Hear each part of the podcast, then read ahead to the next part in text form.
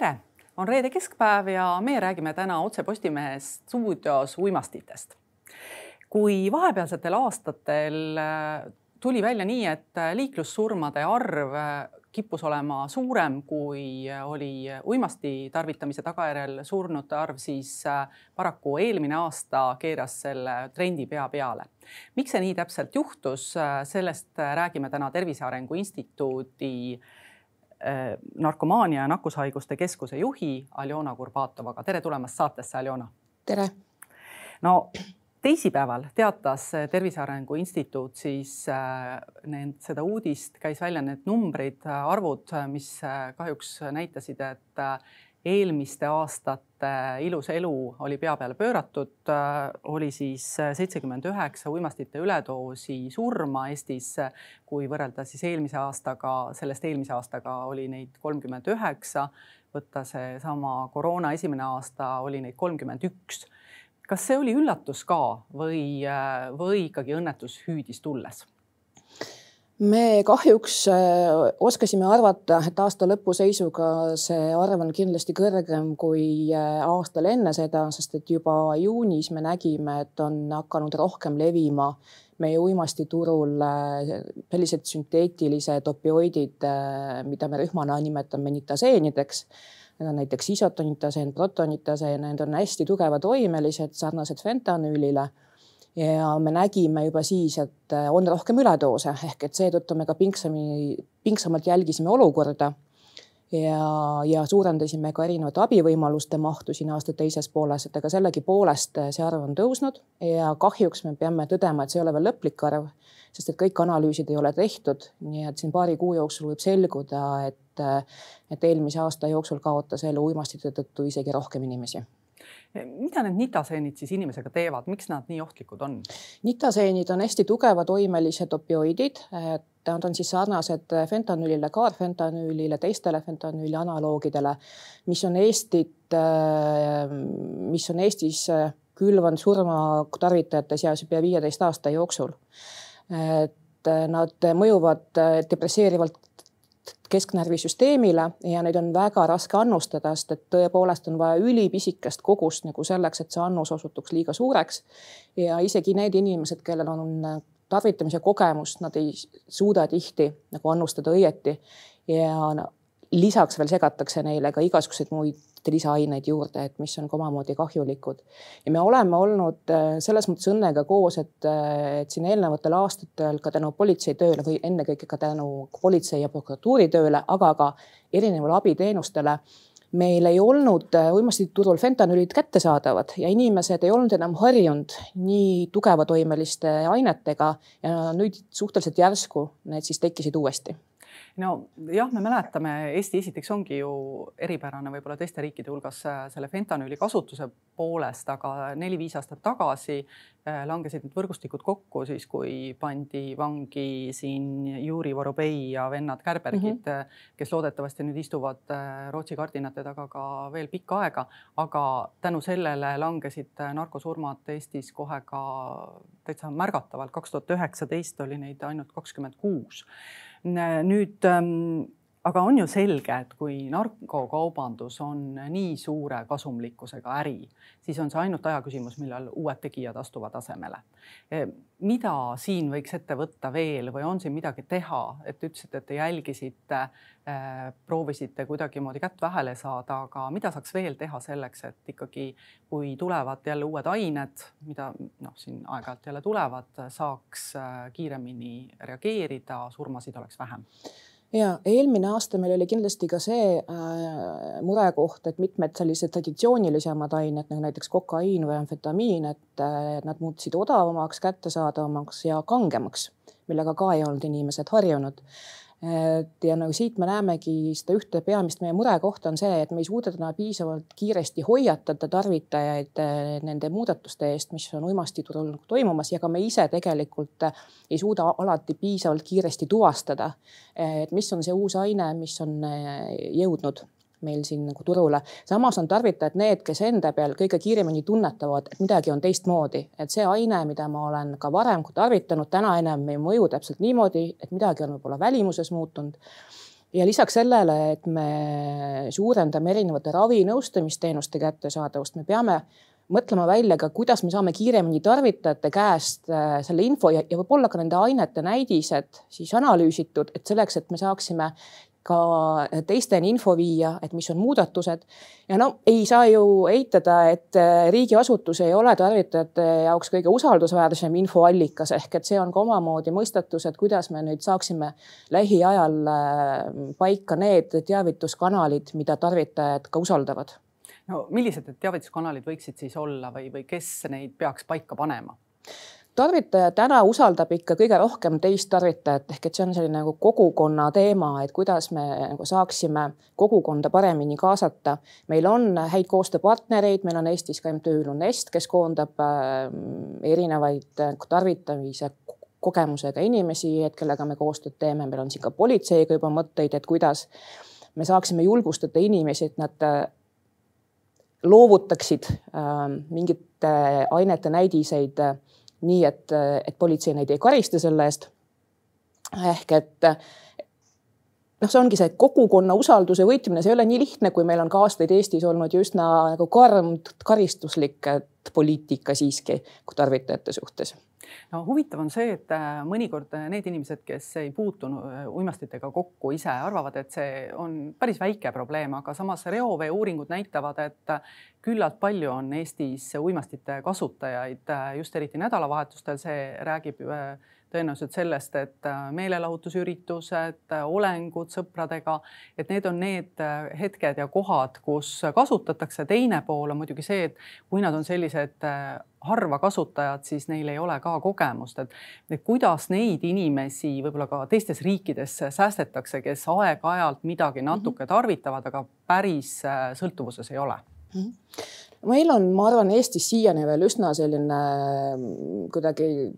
stereotüüpne arusaam sellest, et kes üleüldse on narkootikumide tarvitaja, me oleme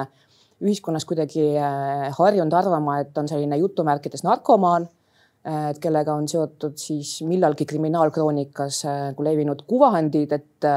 aga valdav enamus narkootikume tarvitavaid inimesi on pealt vaadata täiesti toime tulevad äh, inimesed, kes käivad tööl, kellel on nagu peresuhted, sest et äh, ega nagu tarvitamine võib olla ka paarikordne, et inimene võib mingi lühema aja jooksul nagu tarvitada. Ja on kahjuks ka neid, kes satuvad sõltuvusse ja kellel võib-olla on juba sotsiaalsed probleemid, et kust need kunagised kuvandid ka tekkinud on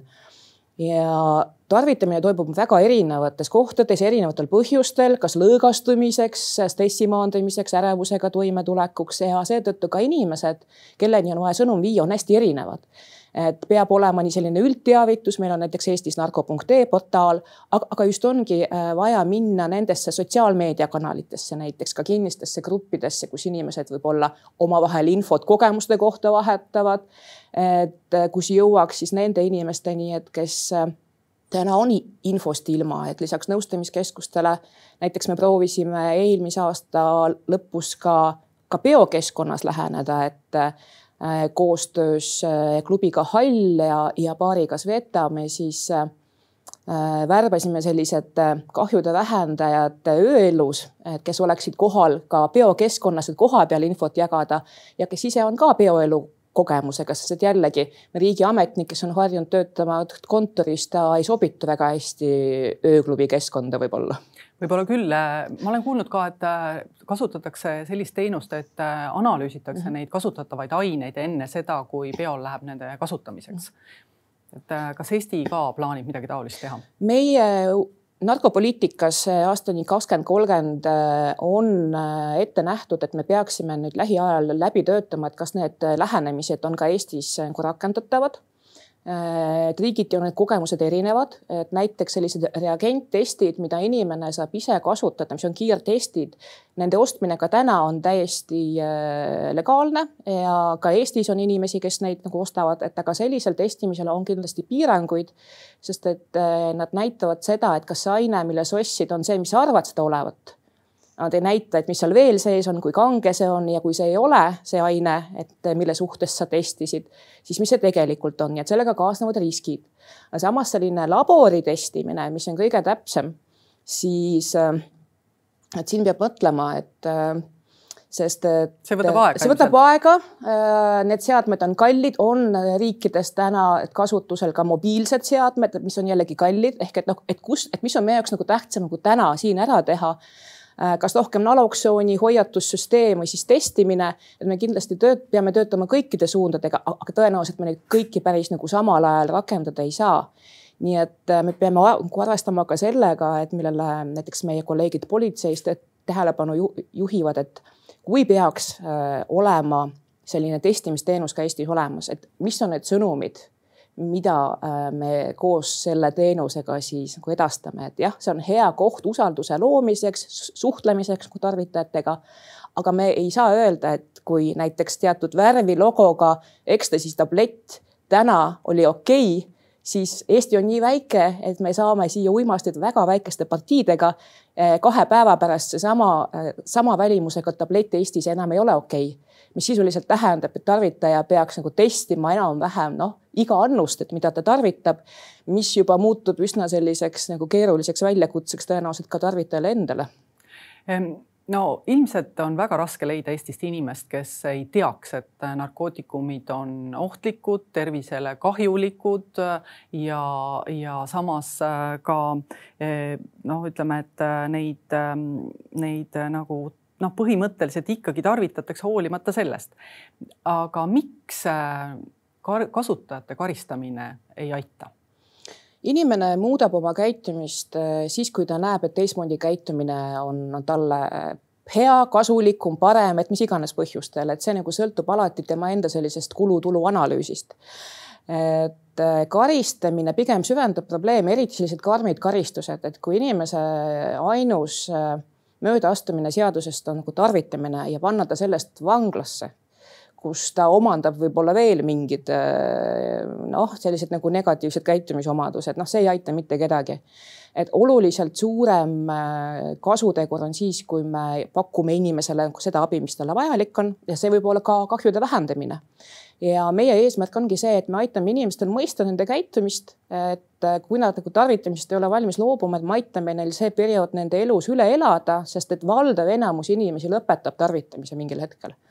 Et need, kes on sõltuvuses, on väike osa kõikidest inimestest, kes on elu jooksul narkootikume proovinud ja nendele, kes äh, ei, ei ole nagu suutnud seda piiri pidada ja on sattunud sõltuvusse, et nendele me peame pakkuma ravi. läbi selle me suudame oluliselt pare, äh, paremini olukorda mõjutada kui inimesi karistades, sest see tekitab neis trotsi, viha, usaldamatust, süvendab nende sotsiaalseid probleeme ja nii me kaugele ei jõua no ometigi inimesed seda karistamist kardavad, sest äh, millega muidu põhjendada, et kui sõbraga koos äh, tehakse uimasteid, siis äh, ja sõbral juhtub tõesti üledoos tulema, siis mõnikord ikkagi kaalutakse, et ma igaks juhuks ei kutsu abi, püüan ise hakkama saama mm, -hmm. saada mm, -hmm. et kuidas seda olukorda siis lahendada, et, et kuidagimoodi kinnitada, et tegelikult ei ole vaja karta, et, et võib-olla sõbra elu on ikkagi tähtsam eks see peab see muudatus toimub lähtuvalt kogemustest, meil on täna veel väga palju tarvitajate kogukonnas inimesi, keda on karistatud ja nad mäletavad seda ja nad ei usalda süsteemi. vaatas, vaatamata sellele, et politsei rõhutab, et me oleme muutnud oma nii, niinimetatud kui menetluspraktikaid, meie eesmärk ei ole teid tarvitamise pärast karistada, et alles siis, kui meil on piisav arv juhtumeid, kus seda tõepoolest ei ole juhtunud, nagu tekib ka kogukonnas kindlus, et jah, et ei juhtu. et meie rõhutame alati, et abi kutsumine ei ole karistatav, et aga need vanad hirmud on ikka visad välja surema mida siis äh, peaks tegema veel, et, et seda kuidagimoodi teatama rohkem ja, ja. rohkem rääkima, sellest, rohkem just läbi erinevate võrgustike neid sõnumeid saata, et siin ei ole sellised võib-olla suured üleriiklikud kampaaniad lahendus, vaid just see üks-ühele ja, ja meil on väga hea meel, et meil on täna äh, Äh, ühe laua taha mahtunud nii politsei, raviasutused, kahjude vähendajad, prokuratuur kui ka tarvitajate esindajad, et see on nagu tegelikult suur muudatus selles, et kuidas me asjadele vaatame tundub, et äh, ÜRO-s äh, ka väga paljud riigid on nüüd otsustanud, et, et peab kuidagimoodi rohkem rääkima sellest, et mm -hmm. poliitikad on muutumas ja siin detsembri keskpaigas nüüd natuke rohkem kui kuu aega tagasi võeti vastu siis üks resolutsioon, mis no piltlikult öeldes kinnitas veel seda, et me kaotame ära selle kakskümmend viis aastat kehtinud poliitika, mis oli noh, nii minu kui võib-olla ka teie noorusajal, et, et me peame muutma maailma uimastite vabaks, see ei ole võimalik. kas te nõustute sellega? ja see on hästi oluline muudatus, et siinkohal ei olegi üldse oluline, mis oli see konkreetne resolutsioon, vaid oluline on see, kuidas nagu selle menetlemine toimus ÜRO-s, et ÜRO narkootiliste ainete komitee, kus Eesti küll ei ole hääleõiguslik liige, on alati võtnud otsuseid vastu konsensusega ehk et kõik peavad nõus olema, mis tähendas, et need riigid, kes olid edumeelsemad, nad ei saanud oma seda keelt, nii-öelda sellist edumeelsemat keelt ja eesmärke peab pea nagu kunagi resolutsioonides, sest need, kes on äh, karmimad, noh, ma ei tea, Hiina, Venemaa ja äh, Filipiinid, nii edasi, et äh, siis noh pidi arvestama nendega ka alati, nii et see uimastivaba maailma keel on olnud väga pikalt sees ja nüüd meie üldine poliitiline olukord maailmas viis siis selleni, et mõjuavaldus ka äh, narkopoliitikale ja esmakordselt võeti vastus siis häälteenamusega ja enam ei ole seda uimastivaba maailma sihti. No huvitav, mis see Eestile pikas plaanis kaasa toob. Ähm, kui me vaatame võib-olla natukene ka siia kodumaale, siis äh, on, me teame ju pikalt on äh, Roheliste Erakond seisnud selle eest, et äh, näiteks kanep legaliseerida. nüüd täiesti uudselt tuli sellega välja ka Reformierakonna noortekogu täiskasvanutele legaliseerida kanep ja reguleerida selle müüki mm. -hmm. see on see on nüüd natuke selline samm, mis ilmselt tekitab äh, arutelusid äh, ühiskonnas. kuidas teie sellesse suhtute, kas Eesti on küps, et äh, võiks selliste asjade üle arutleda? no meie oleme esialgu veel seisukohal, et Eesti ei ole küps, et aga ega me ei ole ju Eesti ühiskonnas ka loosungitest kaugemale jõudnud selle aruteludega, aruteluga, aeg-ajalt see teema uuesti kerkib aga sellist põhjalikku analüüsi, et äh, mida see muudatus kaasa tooks, kas kanep on see ainus aine, et mis peaks siis olema legaliseeritud, see on inimesi, kes ütlevad, aga mina tahan teist ainet, miks kanepit tohib, aga mina näiteks ekstasit ei tohi. et äh, ja et kus jookseb meie jaoks ühiskonnana see riskimäär, et kui palju me oleme valmis riskima, et meil suureneb tarvitajate arv, et mida rohkem on tarvitajaid, seda rohkem võib olla ka sõltlasi et kas me oleme nagu täna oma ennetussüsteemid, ravisüsteemid eh, teinud piisavalt tugevaks, et juhul, kui inimesed ei suuda kontrollida oma tarvitamist, et kas me oleme siis võimelised neid aitama. ja kui me millalgi jõuame selleni, et me oleme need kõik eeldused täitnud, siis me võime tõsimeeli arutada, et täna vaadates, kui vähe tähelepanu poliitikasse üldiselt pööratakse tuimastite teemale on, on see natukene ennatlik, et, et, et enne võiks olla põhivajadused rahuldatud ja siis saaks juba välja teenida selle õiguse, et legaliseerime järjest enam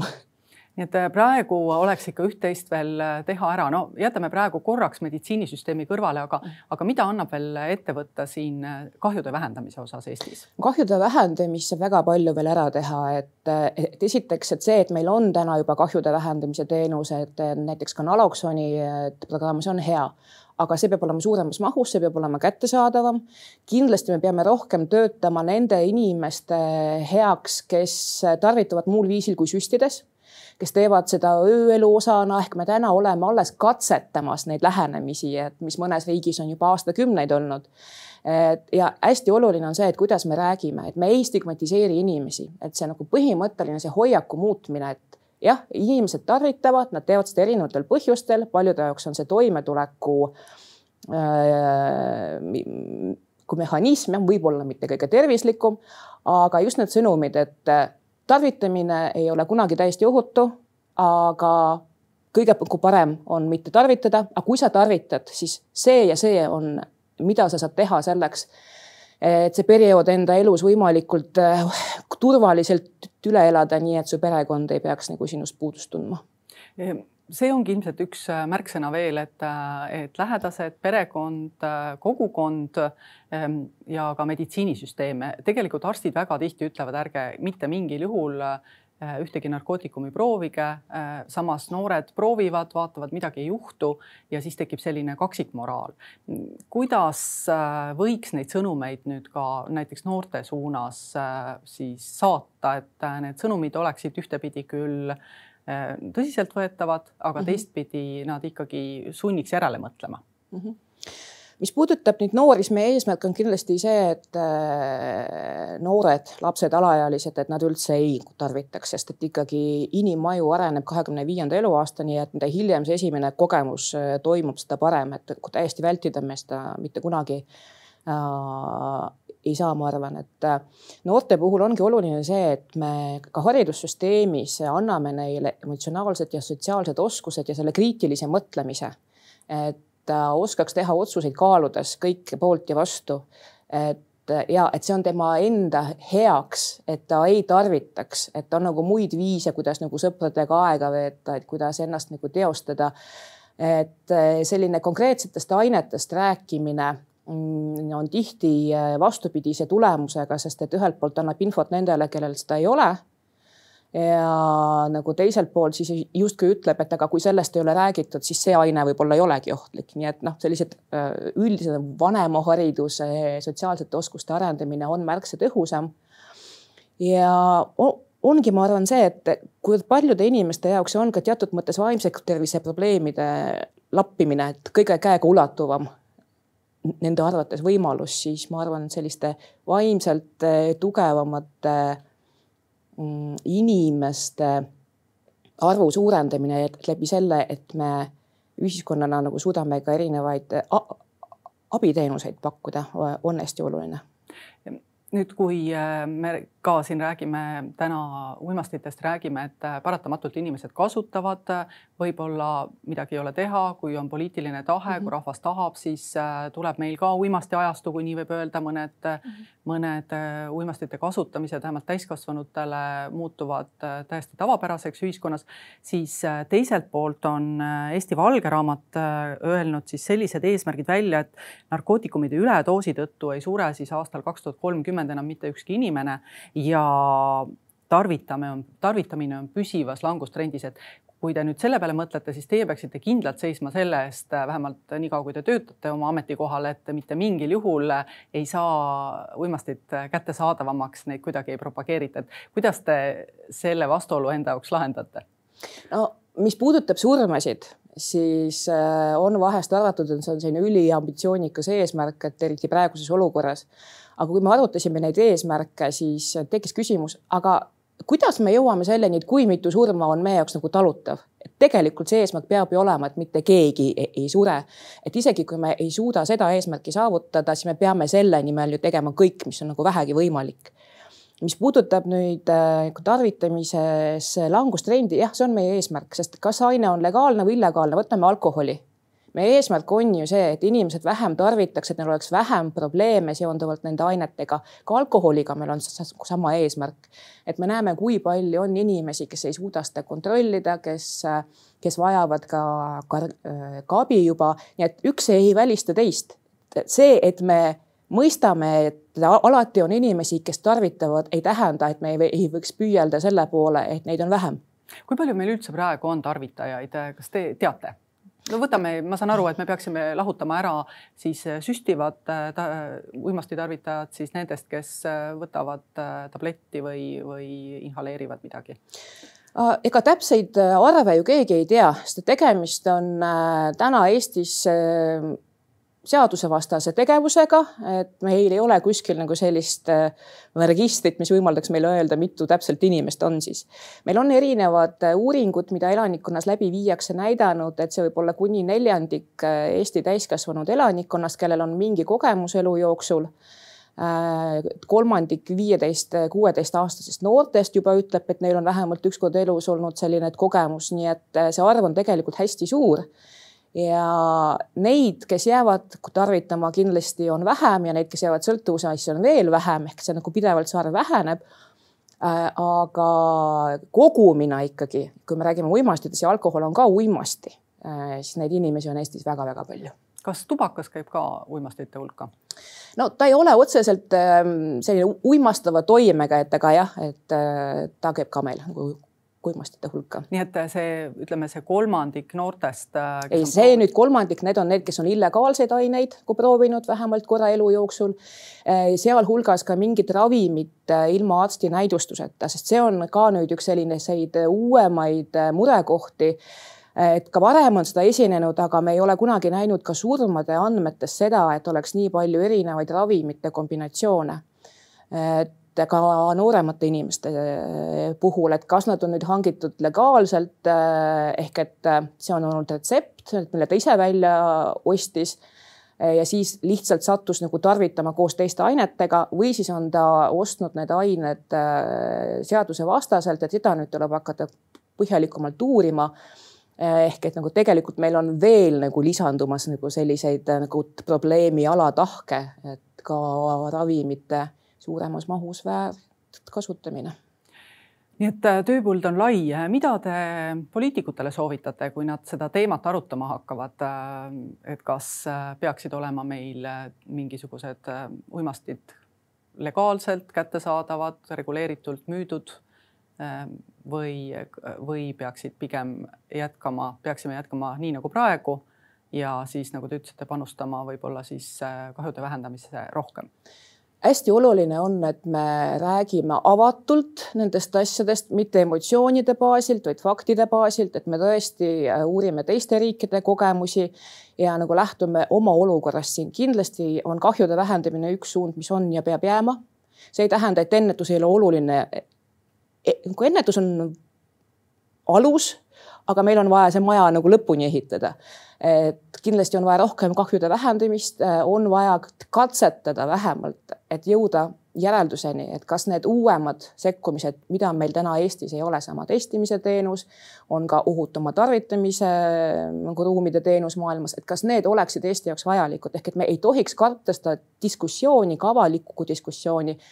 ja me kindlasti peame suhtuma inimestesse, kes narkootikume tarvitavad, kui täiesti tavalistesse inimestesse, et nad ei ole mingi teine sihtrühm, mingi teine